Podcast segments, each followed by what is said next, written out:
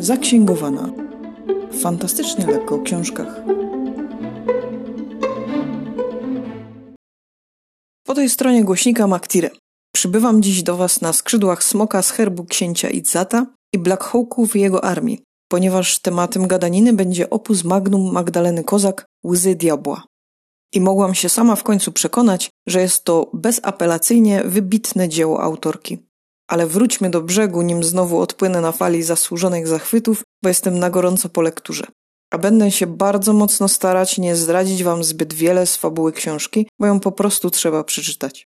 Król Szamar wysyła swojego syna wraz z kuzynami książęcymi na misję zwaną honorem smoka od imienia Izata, który oznacza właśnie honor. Celem misji jest zabezpieczenie terenów Farii, a jednocześnie wytyczenie nowego szlaku do przewozu czarsu, rośliny rosnącej tylko i wyłącznie tutaj na planecie Jahan. Czars jest walutą, za którą możliwe jest uzyskanie od obcych wsparcia. Dzięki nowym technologiom życie na planecie staje się bardziej nowoczesne.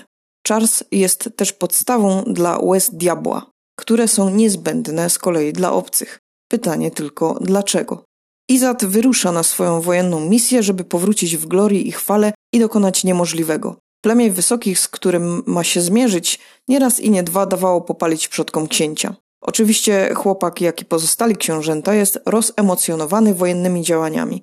Wyobraża sobie siebie jako wielkiego wojownika i bohatera. Rwie się do bitki. Jednak rzeczywistość szybko weryfikuje jego spojrzenie na wiele rzeczy. Wojna go odmienia. Po drugiej stronie opowieści mamy pastuszka Znajdę. Jak sugeruje same jego imię, został on znaleziony. Przypadkiem natknęli się na niego rolnicy w rzekach Maklawi. Był ledwo żywy. Nie bardzo pamięta, co się wydarzyło wcześniej i jak się tam znalazł. Zostaje przygarnięty przez jednego z rolników i od tego czasu pracuje w jego gospodarstwie. Głównie zajmuje się końmi, a przede wszystkim jednym upartym, ponieważ okazuje się, że tylko znajda potrafi jeździć na wialcie. Niestety chłopak ma dość szczególny stosunek do żołnierzy. Przerażony gospodarz, bojąc się odwetów wojskowych, postanawia oddać znajdę na służbę do hrabiego cienia. Znajda trafia do oddziału skorpionów i jego życie zmienia się bardzo mocno. Tak przedstawia się zaledwie czubek tej historii, która jest jak góra lodowa. Tak jak wspomniałam, naprawdę ciężko cokolwiek więcej powiedzieć o fabule, żeby czegoś nie zdradzić, żeby nie podrzucić jakiegoś szczegółu, który całą waszą lekturę zepsuje. To jest po prostu takie dobre. Cieszę się, że wpadła mi jako pierwsza książka w tym nowym sezonie czytelniczym. Opowieść jest przepięknie złożona na zasadzie okruszków. Pochłaniamy rozdział za rozdziałem i składamy wszystko w całość, jak wysokiej jakości puzzle. Autorka doskonale stworzyła klimat jednoznacznie kojarzący się z Bliskim Wschodem. Mamy tutaj wyraziste, dynamiczne postacie, które w czasie opowieści doświadczają różnych przeżyć, wobec których nie mogą pozostać obojętne. I widzimy, jak ewoluują, jak dorastają do decyzji czy zachowań. Akcja jest bardzo dobrze poprowadzona i nieustannie trzyma w napięciu. Opowieść jest intrygująca, zastanawiająca, zachwycająca i ekscytująca. Mamy też tajemnicę, która przewija się przez całą książkę i nieustannie każe nam się zastanawiać nad jej rozwiązaniem. I tak sobie właśnie myślę, że tych tajemnic tam jest dość sporo. Nie ma tutaj zbyt wiele elementów typowych dla literatury fantastycznej, więc myślę, że książka idealnie wpasuje się również w gusta osób, które za fantastyką nie przypadają, za to lubią książki wojenne i militarne. Cieszę się ogromnie, że autorka pokazała różne strony konfliktu, co dopełnia całości obrazu. Opowieść przez to staje się bardzo realistyczna. Zresztą świat wojskowy nie jest samej autorce obcy.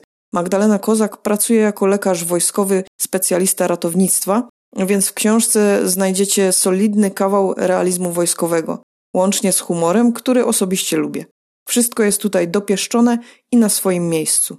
I może jestem trochę bezkrytyczna, ale nie dostrzegam słabych punktów opowiedzianej historii. Dałam się porwać i jest mi z tym cholernie dobrze. Lubię właśnie taką lekturę, która wciąga po same uszy, jak piaski pustyni, czy też czerwie na Dune. A tym właśnie były dla mnie łzy diabła.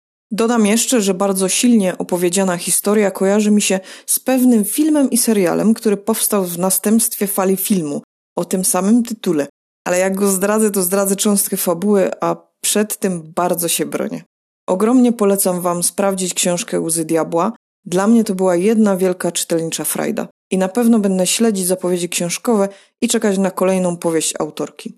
Fajnie, że wytrwaliście. Idę szukać kolejnych dobroci książkowych. Dziękuję i do usłyszenia.